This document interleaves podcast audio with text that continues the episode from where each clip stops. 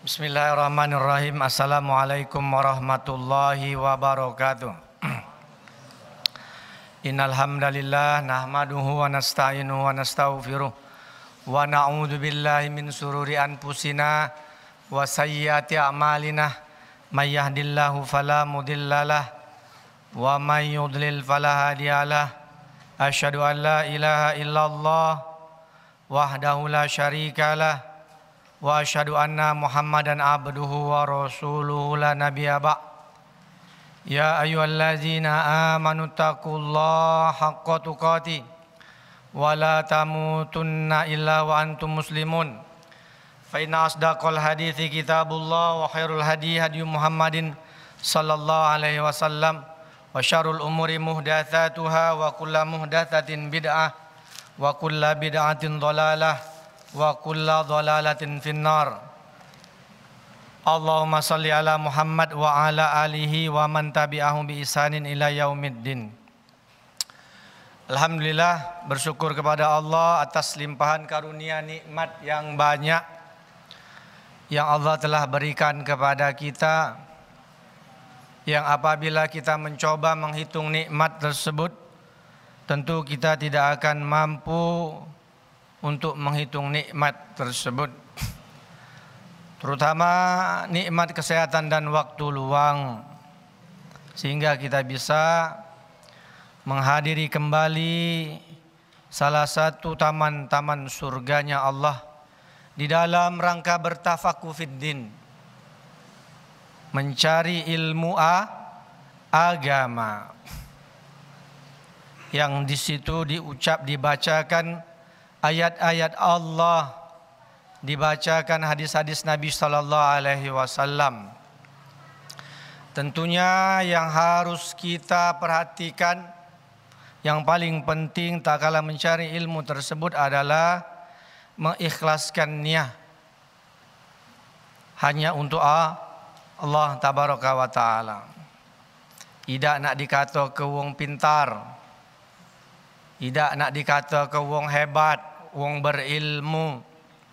Akan tetapi mengikhlaskan hal tersebut hanya untuk Allah. Karena kan ini merupakan sesuatu yang paling mulia yang sangat agung yang paling susah bagi pencari ilmu dan orang yang mengajarkan ilmu.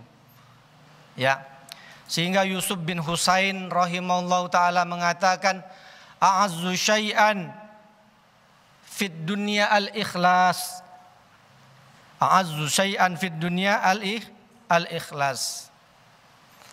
Perkara yang paling mulia di atas dunia ini apa? Al ikhlas. Menjaga niat. Senantiasa ni, niatnya untuk a Allah. Apakah mencari ilmu apakah itu beribadah kepada a? Allah Wa kam aztahidu fi isqatir riya'an qalbi fa ka'annahu yanbutu ala launin akhar kata. Beliau mengatakan betapa seringnya aku berupaya untuk menghilangkan sifat riak yang ada dalam hatiku tersebut. Namun rasa riak itu seakan-akan ia muncul dengan warna dengan bentuk yang lain. Ya, saronian, nah ikhlas tuh. Lah kita tutup pintu yang sikoknya, yang sikoknya terbuka. Yang sikoknya seolah-olah sudah berlari datang yang lain dalam bentuk yang yang lain pula. Ya.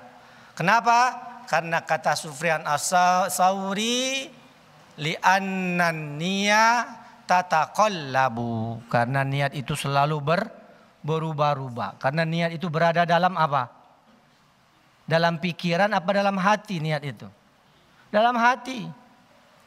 Ya, kalau niat itu berada dalam hati, maka dia selalu akan berubah-ubah. Karena dikatakan hati, kolbun itu karena dia selalu berubah-ubah, tak mantap. Ya. Maka hendaklah kita mengikhlaskan mengupayakan. Kalau belum ikhlas, diikhlaskan. Belajar. Ya, sehingga kita mendapatkan apa yang diinginkan. Pelajaran kita yaitu kasbu syubhat masuk kepada halaman 38. Beliau mengatakan afadaka faidataini. Al-ula al-farhu bi fadlillah wa rahmatihi. Kama qala ta'ala kul bi fadlillah wa bi rahmatihi. Fabidzalika falyafrahu khairum mimma yajma'un. Wa thani afadaka aidan al-khawfal al-azimah.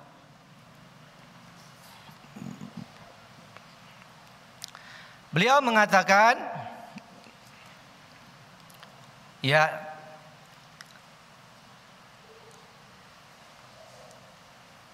Di dalam sarahnya Syekh Fauzan menjelaskan ay al ilmu bihadhil haqa'iq yufiduka faidataini. Kata beliau mengilmui mengetahui hakikat-hakikat ini Hakikat apa? Yang kita pelajari kemarin. Hakikat tentang tauhid yang benar dan hakikat tentang syirik yang jelek. Ya. Tak kala kalian telah mengetahui hakikat ini, bagaimana tauhid yang benar, bagaimana syirik yang itu kita diperintahkan untuk menjauhinya jikalau kita telah mengetahui hal ini dengan sebenarnya maka akan memberikan dua hal dua faidah dua kebaikan bagi orang-orang yang memang mengetahui hakikat tersebut jadi kita belajar tauhid ini tidak berhenti tidak S1 nak berhenti bahas itu. S2 baru nak berhenti. S3 dah kata cerita nak berhenti belajar tauhid. Orang para nabi baik sampai hayatnya tidak merasa aman dengan masalah syirik. Selalu memperkuat tauhid mereka. Apalagi kita. Ya. Faidah yang pertama kata beliau. Orang yang telah mengetahui hakikat tauhid dan mengetahui bentuk kesyirikan ya salah satu untuk mengetahui bentuk kesyirikan adalah dengan mempelajari kasyfu syubhat ini ya mempelajari kejelekan mempelajari syubhat gunanya apa gunanya apa belajar kasbu syubhat kaidahnya apa belajar kasbu syubhat ini hmm? agar kita tidak terjatuh kepada syubhat. Kalau ditanya, "Wong apa nak belajar syirik?"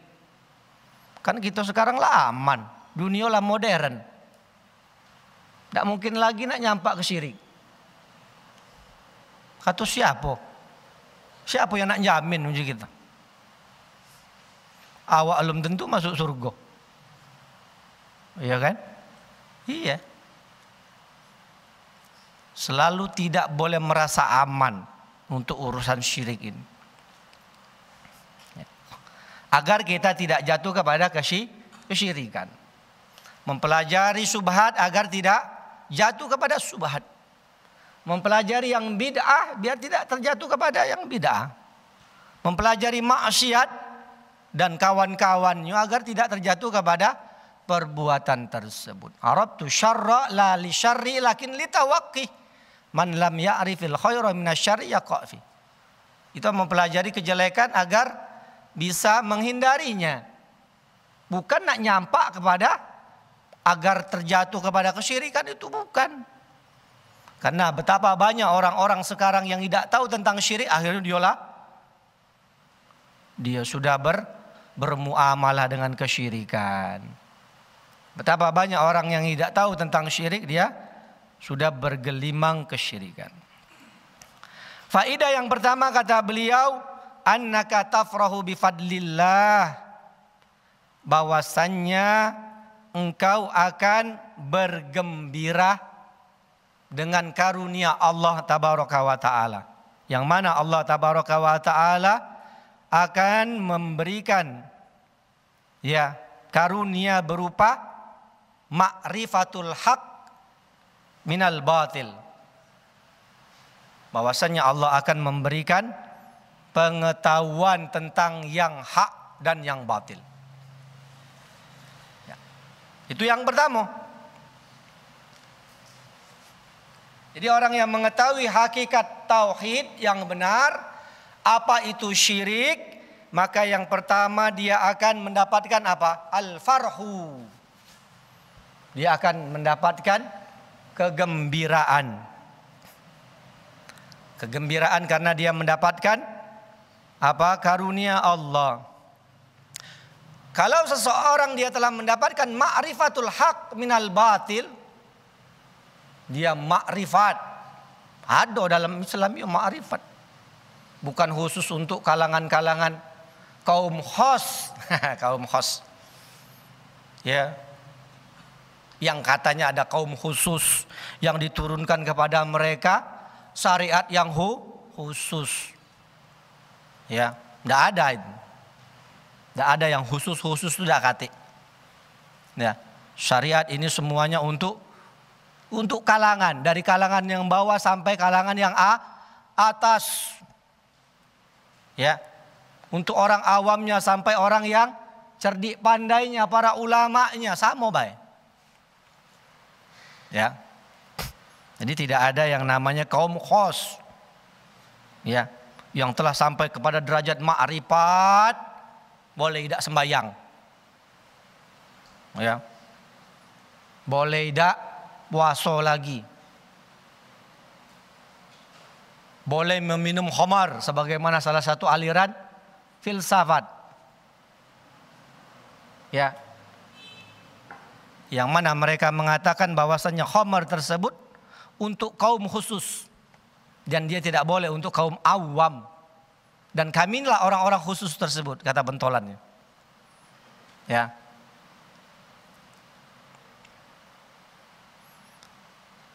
Jadi dengan mengetahui hal tersebut al-haq dan ya al-haq mengetahui kebenaran dari kebatilannya maka ini merupakan nikmat yang be, yang besar dari Allah tabaraka wa taala. Seseorang sudah bisa membedakan mana sunnah, mana bid'ah. Dia beda bisa membedakan mana maksiat ya, mana hal-hal yang ma'ruf, mana yang munkarat dia bisa membedakan mana mana tauhid, mana syirik. Ini nikmat yang agung. Ya. Yang kebanyakan hurima minhal kathiru minal khalqi. Kata beliau. Yang tidak sedikit orang-orang terhalangi dari makrifat tersebut. Makrifat apa? Makrifat ma'rifatul haq minal batil. Makrifat terhadap kebenaran mengetahui kebenaran dan keba kebatilan. Banyak yang tidak dapat, banyak yang masih tidak bisa bisa me membedakan mana yang hak, mana yang batil, mana yang sunnah, mana yang bid'ah, mana yang tauhid, mana yang syirik, mana yang diperintahkan, mana yang dilarang masih banyak yang belum tahu. Ya. Ini sebagaimana yang difirmankan oleh Allah. Kul bifadlillah wa birahmati wa bidzalika falyafrahu wa khairum mimma yajma'un. Katakanlah wahai Muhammad karena karunia Allah dan rahmatnya tersebut maka hendaklah mereka falyafrahu bergembira. Ya. Yang demikian itu lebih baik bagi mereka dari apa yang telah mereka yajma'un apa yang mereka kumpulkan. Jadi tak kalah mendapatkan rahmat Allah dan karunia-Nya hendaklah ber apa? bergembira, berbahagia. Ini perintah dari Allah tabaraka wa taala. Beliau mengatakan wa fadlullahi wal Islam. Yang dimaksud dengan karunia Allah itu adalah is Islam. Ngapo tidak nak kita berbahagia kalau kita mendapatkan karunia Allah berupa Islam ini? Ya. Karunia Allah itu banyak, puncaknya adalah is Islam. Diberikan karunia istri, diberikan karunia anak, diberikan karunia ini dan itu. Itu semuanya kebaikan. Tetapi puncaknya apa? Islam. Ya.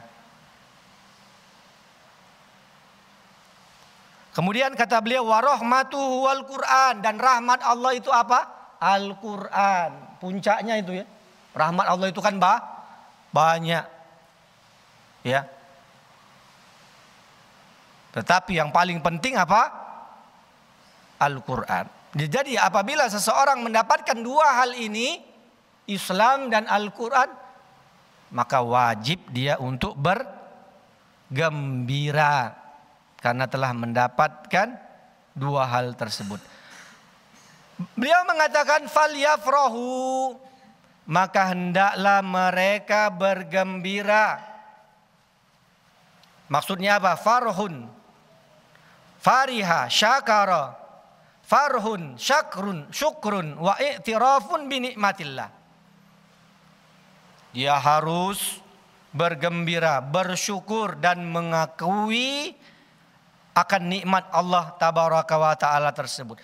Wal farhu bi fadlillah masru' li'annahu syukru lillah ala nikmati tauhid wa ma'rifati syirk. Dan beliau mengatakan wal farhu bi fadlillah. Bergembira dengan nikmat Allah dengan karunia Allah tersebut masyru' merupakan sesuatu yang diperintahkan. Karena ayat tadi memerintahkan kepada hal tersebut. Maka tak kala kita bergembira, senang, merasa bahagia dengan karunia Allah tersebut, maka ini pada dasarnya diperintahkan oleh Allah tabaraka wa taala. Harus kita bergembira ketika mendapatkan Islam dan Al-Quran. Falyafrahu. Ya.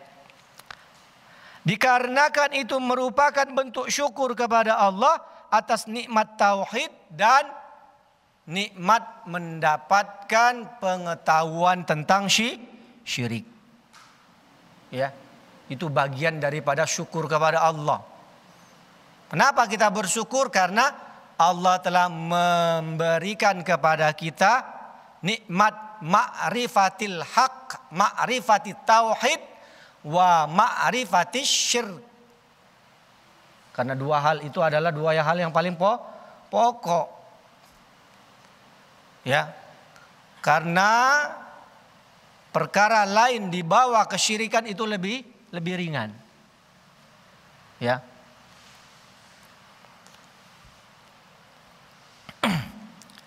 Wahadi ni'mah idza fa innahu qad jama'a khaira. Beliau mengatakan dan nikmat ini yang telah disebutkan tadi jikalau Allah telah memberikannya kepadamu sama baik Allah telah menghimpun seluruh kebaikan yang ada untukmu. Kalau kita lah dinjuk tahu tentang makrifat tauhid dan ma'rifat syirik. Ini sama baik Allah telah mengumpulkan untuk kita kebaikan yang ba yang banyak. Seluruhnya. Seluruh kebaikan itu terkumpul. Karena kenapa? Karena inilah yang akan menyelamatkan seseorang di dunia dan di di akhirat. Inilah yang akan menyelamatkan mereka dari kekekalan api neraka. Api neraka. Jangan cubo-cubo ya karena segala sesuatu selain syirik adalah rendah dan ringan bisa dimaafkan oleh Allah. Tetapi kalau seandainya seseorang jatuh kepada kezaliman yang paling besar ini, ha? Katik tawar menawar lagi khalidina fiha abadan. Selama-lamanya dia. Ya. Kemudian beliau mengatakan, Al farhu bin ni'ma masyru. Ya, diulangi lagi. Al farhu bin ni'ma masyru. Gembira terhadap nikmat yang Allah telah berikan kepada kita ini merupakan masyru. Diperintahkan, disyariatkan, diperintahkan kita untuk bergembira terhadap nikmat yang telah Allah berikan kepada kita. Nikmat apa? Islam. Nikmat apa? Al-Quran. Dan nikmat-nikmat yang la, yang lain. Ketika kita bergembira dengan nikmat tersebut, sama saja kita telah menjalankan perintah Allah. Perintah Rasul Lullah tabaraka wa taala. Dikarenakan ini adalah bentuk apa? Bentuk syukur kepada Allah. Al-farhu bentuk syukur kepada Allah. Ya, tidak kado kita merealisasikan bentuk syukur itu dengan cemberut. Ya, Udah galak senyum misalnya. Ya tidak mungkin seperti itu. Yang biasa-biasa aja lah. Ya. Merasa bergembira, cerah. Ya wajahnya. Berbunga-bunga hatinya. Tersungging senyuman di bibirnya. Ya. Itu merupakan refleksi atau aplikasi dari bentuk kita bergembira terhadap nikmat Allah tabaraka wa taala tersebut. Kemudian beliau mengatakan adapun al amal farhu al manhi anhu fawal farhu bidunya. Adapun gembira yang terlarang itu dan ini merupakan bentuk gembira yang tercela, gembira dengan kehidupan dunia. Nah, ini dia. Jangan dibalik-balik kaget. Ya. Gembira yang tercelah, gembira yang terlarang yaitu tak kalah orang-orang bergembira dengan kehidupan dunia ba dunia baik. Sehingga Allah berfirman wa farihu bil hayatid dunya dan mereka bergembira dengan kehidupan dunia dan tidaklah kehidupan dunia untuk akhirat itu hanya mata. Sesuatu yang meni, menipu. Ya sebentar baik. Kehidupan dunia ini. Menipu dianya tidak bisa memberikan perkara yang banyak. Kebaikan yang banyak, mangkop-mangkop, kebaikan yang murni. Tidak akan bisa menyelamatkan seseorang di akhiratnya. Ya, makanya itu terlarang. Karena konsep pelarangan itu adalah perkara yang dilarang itu tidak bisa lepas daripada dua perkara, itu kaidahnya. Biasanya yang dilarang itu yang pertama ya, murni mafsada atau kerusakannya. Atau yang kedua, yang dilarang itu biasanya kerusakannya lebih besar ketimbang maslahat. Maka itu dilarang. Ya. Karena karena bergembira dengan kehidupan dunia ini tidak akan bisa memberikan kebaikan yang baik. Kebanyak. Apalagi untuk akhir, akhirat tidak akan bisa menyelamatkan seorang di akhiratnya. Maka berbahagia dengan kenikmatan dunia ini tercelah, terlarang. Ya, dicela oleh Allah di dalam firman Allah tabaraka wa taala. Kemudian beliau mengatakan, "Fal farhu bidunya utamaha madmum." Ya, diulanginya lagi. Bergembira, ya, bersenang-senang dengan kehidupan dunia ini tercela, mazmum. Ya. Amal farhu biddin wal farhu bil ilmi an-nafi' Fahada masyru'un li'anna Allah amara bihi. Adapun kata beliau bergembira dengan agama. Bergembira karena ditunjukkan kepada Islam. Kemudian bergembira karena mendapatkan ilmu yang bermanfaat. Yang di situ diucapkan qala Allah, qala Rasul, qala Allah, qala Rasul. Inilah ilmu yang bermanfaat tersebut. Maka bergembira dengan mendapatkan ilmu yang bermanfaat ini masyru, diperintahkan. Boleh. Ya. Disyariatkan. Karena kenapa? Karena Allah memerintahkannya. Ya.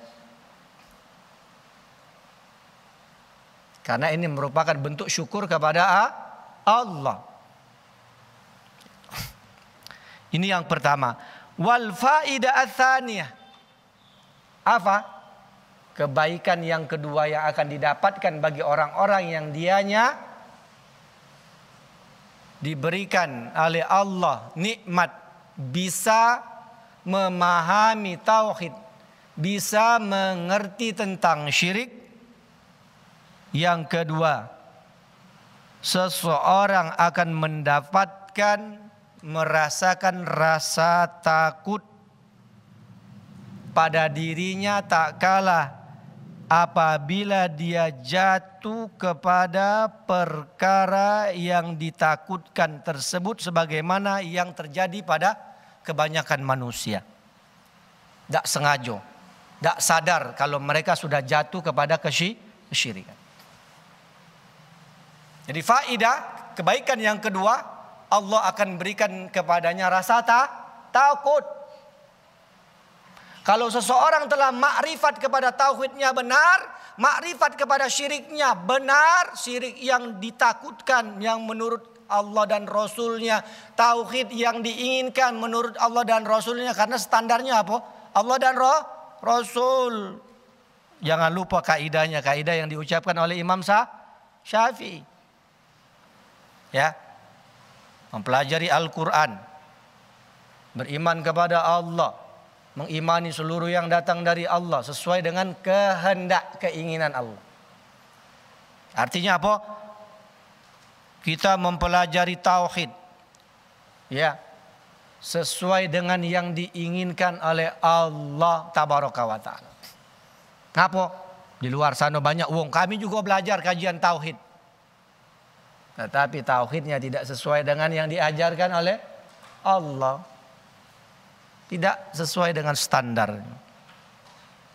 Ya, kami juga mempelajari syirik. Tetapi setelah dilihat tidak sesuai dengan yang diinginkan Allah dan Rasul. Keluar dari sta, standar. Masih pakai jimat, masih pakai angkin.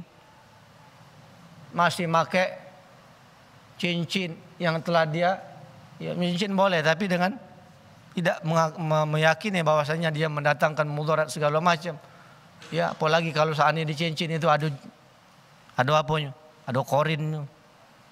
Ada penunggunya yang nak dimandi ke. Kalau masuk ke dalam kamar mandi nak dilepas nian. Ya. Tidak sengaja mereka akhirnya jatuh kepada perbuatan tersebut. Kenapa? Ma'rifatus syiriknya tidak benar. Tidak sesuai dengan diinginkan oleh Allah dan dan Rasulnya. Maka standarnya seperti yang Allah inginkan. Allah yang Rasul inginkan. Allah inginkan. Ya. Jadi yang didapat oleh seseorang yang dianya benar-benar mengetahui makrifat kepada tauhid yang benar, ya makrifat kepada syirik yang benar, maka akan hadir pada dirinya rasa takut. Takut yang amat sangat. Takut ngapo? Kalau seandainya dia jatuh ke dalam kesyirikan tersebut. Sedang dianya tidak tidak apa? Tidak teraso. Tidak sadar. Lah masuk ke syirik aku nih. Ya. Syirik apakah itu yang berbentuk syirik ucapan, keyakinan, dan perbu, perbuatan. Ya.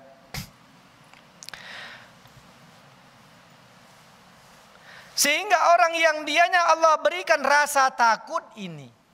Karena dia telah memahami makrifat kepada tauhidnya benar. Makrifat kepada syiriknya benar. Kemudian Allah berikan dia rasa takut. Orang-orang yang dianya merasa takut untuk jatuh kepada kesyirikan.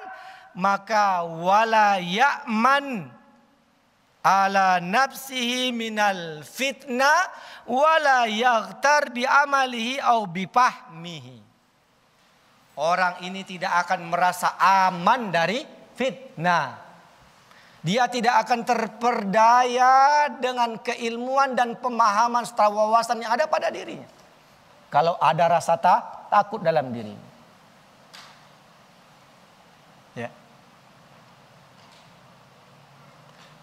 Jadi orang-orang yang dianya telah diberikan karunia rasa takut, ya, dia akan dia tidak akan terperdaya dengan keilmuan yang ia miliki, dengan wawasan yang ia miliki, dengan pemahaman yang ia miliki, sehingga dia tidak merasa aman dari fitnah syirik ini. Kenapa? Hauf dia, takut. Sehingga dia benar-benar apa? Berhati-hati sekali. Di dalam bertindak lanjut itu. Ngomong, bertingkah laku, berjalan dia sangat hati-hati. Dia takut kalau terjatuh kepada kesyirikan. Dia tidak merasa aman dengan kesyirikan. Dia tidak terperdaya, tertipu dengan kemampuan dirinya, keilmuan yang telah dia miliki, pemahaman yang dia miliki, ya, wawasan yang telah dia pelajari, dia tidak merasa ter terperdaya dengan semua itu. Akhirnya dia benar-benar hati-hati. Ini kuncinya. Dari apa? Dari rasa tak takut. Ini yang dijelaskan. Ya. Fala ta'man ala nafsika minal fitnah. Maka beliau mengatakan, jangan kalian merasa aman dari fitnah. Apalagi fitnah syirik ini, jangan kamu merasa aman. Wala taghtar bi amalika, bi amalika au bi fahmika. Jangan ter terperdaya dan tertipu dengan amal ibadahmu dan pemahamanmu. Dengan keilmuan yang kau miliki. Jangan terperdaya. Terpesona dengan apa yang kau miliki. Walakin kul la hawla wa la quwata illa billah was'alillah thabat. Akan tetapi ucapkan la hawla wa la quwata illa billah. Kemudian was'alillah asabat. Minta ke man, mantapan. Ya. Jangan terpesona dengan kemampuan diri tadi. Dengan ilmu yang dimiliki, jangan. Sehingga merasa aman dari fitnah syirik ini. Akan tetapi ucapkan la haula wala quwata illa billah. Apa arti la haula wala? Tidak ada daya kekuatan dan upaya kecuali karena Allah. Kita gantungkan kepada Allah. Tidak merasa pecah kepakaman. Tidak merasa pecah keilmuan. Kehebatan. Merasa oh sudah kita ini sudah berada pada puncak pemikiran yang paling tinggi. Ini dikatakan beliau nanti ada orang-orang yang ya maghrurin ada orang-orang yang terperdaya, terpesona dengan kemampuan dirinya. Ya. Apa itu? Azan. Alangkah gancang. Ya Allah. Apa aku yang terlambat? Kita selesaikan dikit. Akan tetapi kata beliau was'alillah sabat mintalah as-sabat. Apa sabat? Kemantapan, istiqomah. Ya muqallibal qulub, tsabbit qalbi ala din. Ya muqallibal qulub, tsabbit qalbi ala din. Ya musarrifal qulub, sarrif qalbi ila ta'atik. Ya, ini yang diminta ke Nabi ini.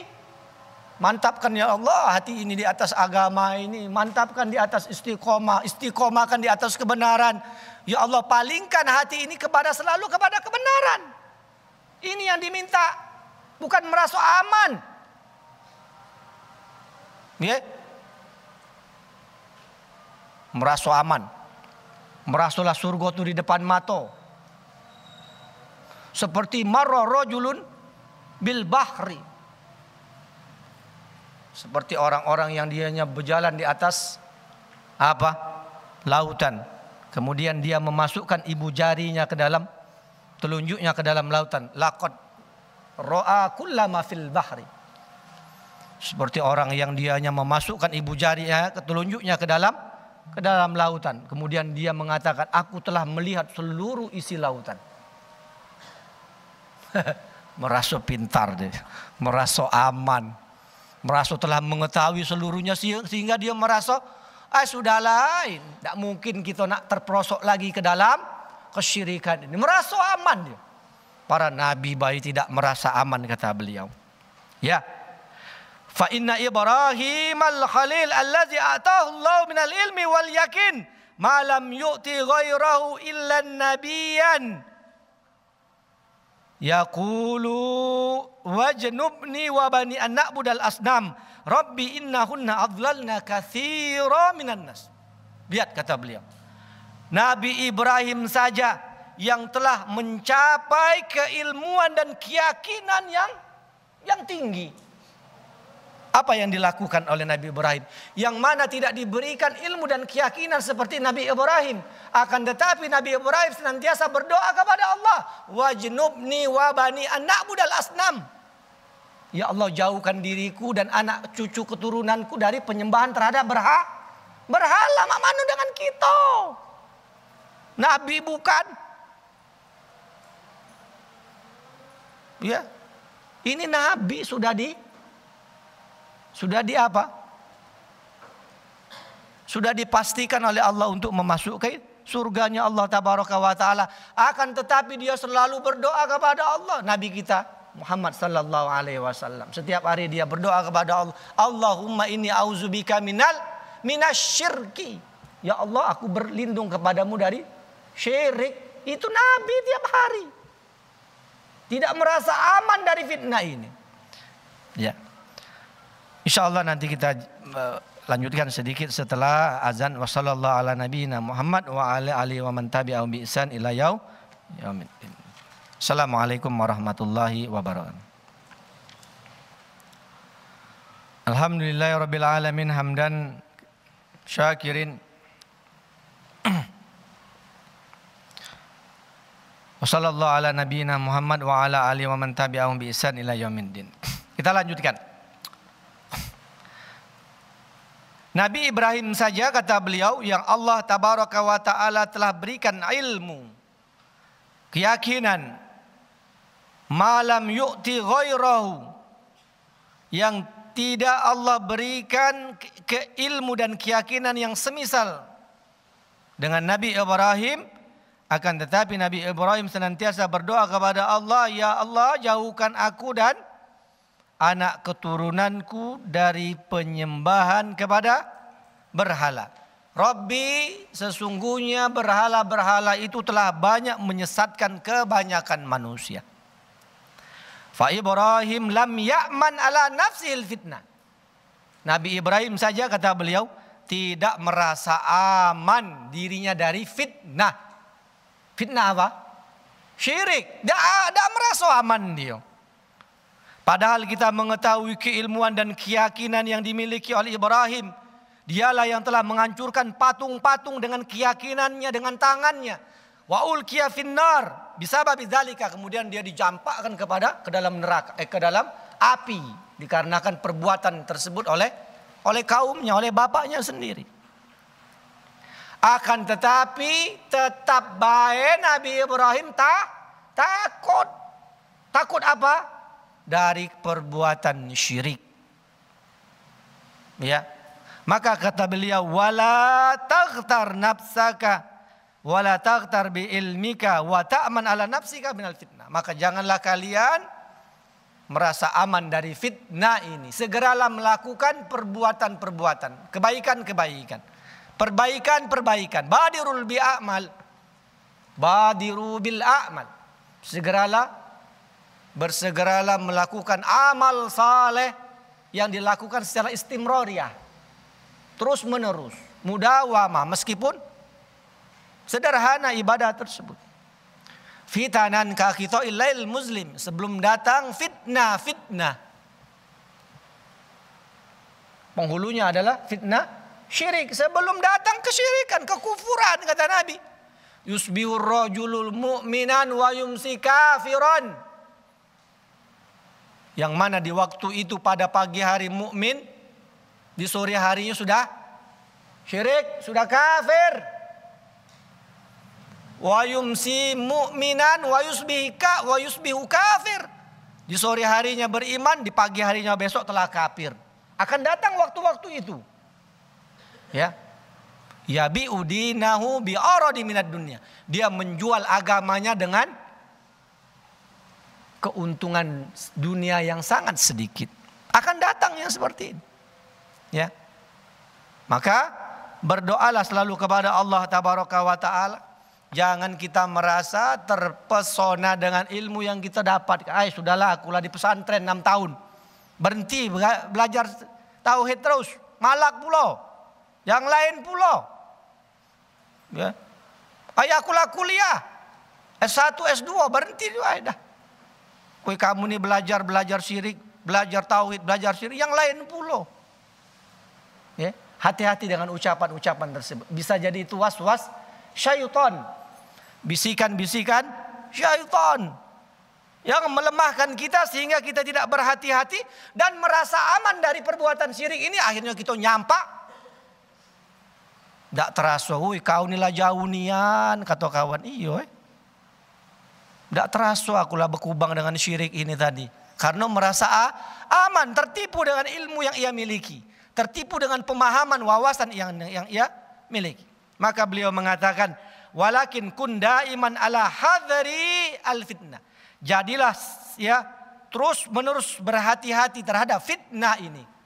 Jangan sampai kedua kakimu tergelincir dan engkau merasa terpedaya dan terpersona dengan apa-apa yang kau miliki sehingga inilah yang akan menjatuhkanmu ke dalam kesesatan.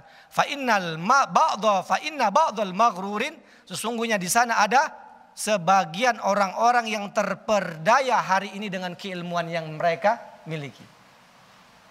Ada orang-orang yang hari ini dia terperdaya, terpesona dengan ilmu yang ia miliki, dengan pemahaman yang ia miliki, dengan wawasan yang ia miliki, sehingga dia merasa aman dari fitnah syirik.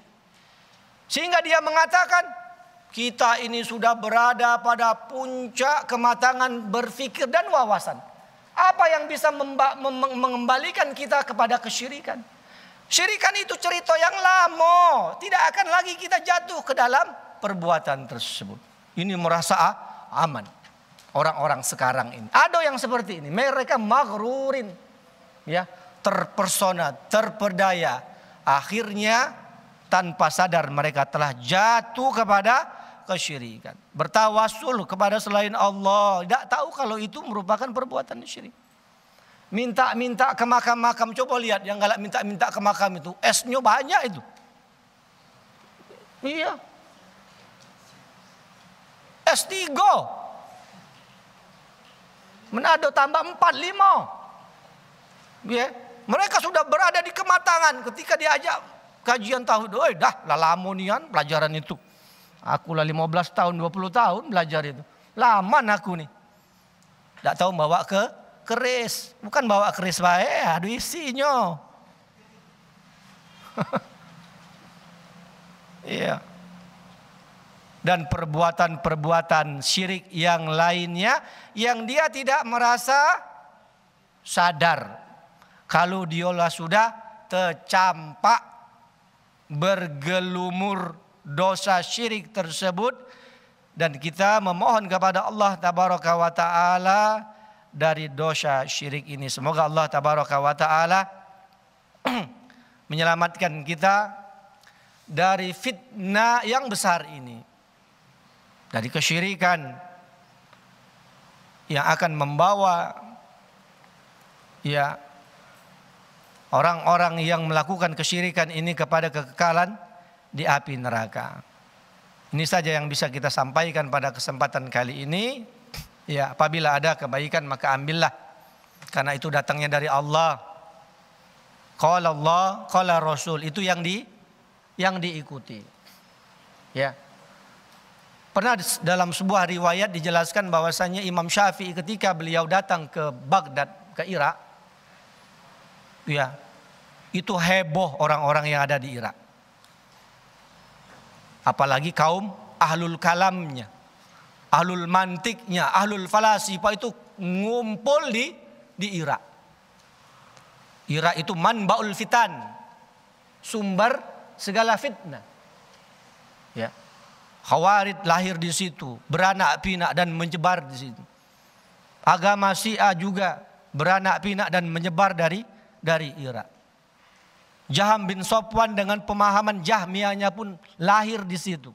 Begitu juga orang-orang Khawarid besar di situ beranak pinak dan menyebar. maka disebut sebagai manbaul fitan sampai sekarang ini dikuasai oleh agama Syiah. Memang dari dulu sudah Allah takdirkan. Ya. Ketika Imam Syafi'i datang, Sofyan Al-Karabis dan saudaranya, Qad ahlul hadis. Telah datang ke kota kita dan dua orang ini merupakan pentolan apa? Pentolan ahlul kalam, ahlul mantik. Ya. Mari kita datangi ia Syafi'i kita debat dia. Ini yang menceritakan Sufyan Al-Karabis. Ya.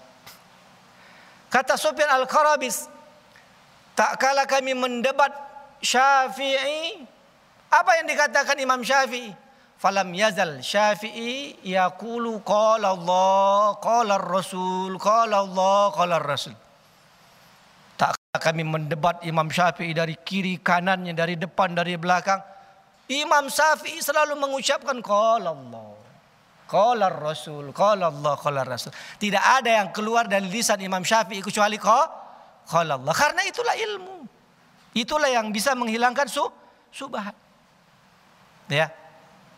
Hatta azlamal bait alaina wa tarakna bid'atana wa taba'nahum. Sehingga ya rumah itu menjadi gelap ya berjam-jam mereka mendebat Imam Syafi'i. Sehingga datanglah larut malam sehingga kami tinggalkan bid'ah kami bid'ah alul kalam kemudian kami mengikuti Imam Syafi'i. Ya. Itulah kebenarannya. Kalau Allah, kalau Rasul. Ya, membantah filsafat, membantah kalam, membantah ahlul mantik dengan kalau Allah, qala Rasul. Inilah yang dilakukan oleh para ulama-ulama salaf, ya. Yang mana mereka tidaklah mengucapkan kecuali kebenaran. Yang diucapkan adalah ilmu. Karena yang bisa memberikan keyakinan yang pasti ketenangan hanyalah qala Allah, qala Rasul. Wa masih wazaka waswasus sayatin. Karena bisa jadi selain daripada qala Allah, qala Rasul merupakan waswas sayatin bisikan-bisikan syaitan yang akan memberikan keraguan-raguan bagi orang-orang yang mendengarkannya.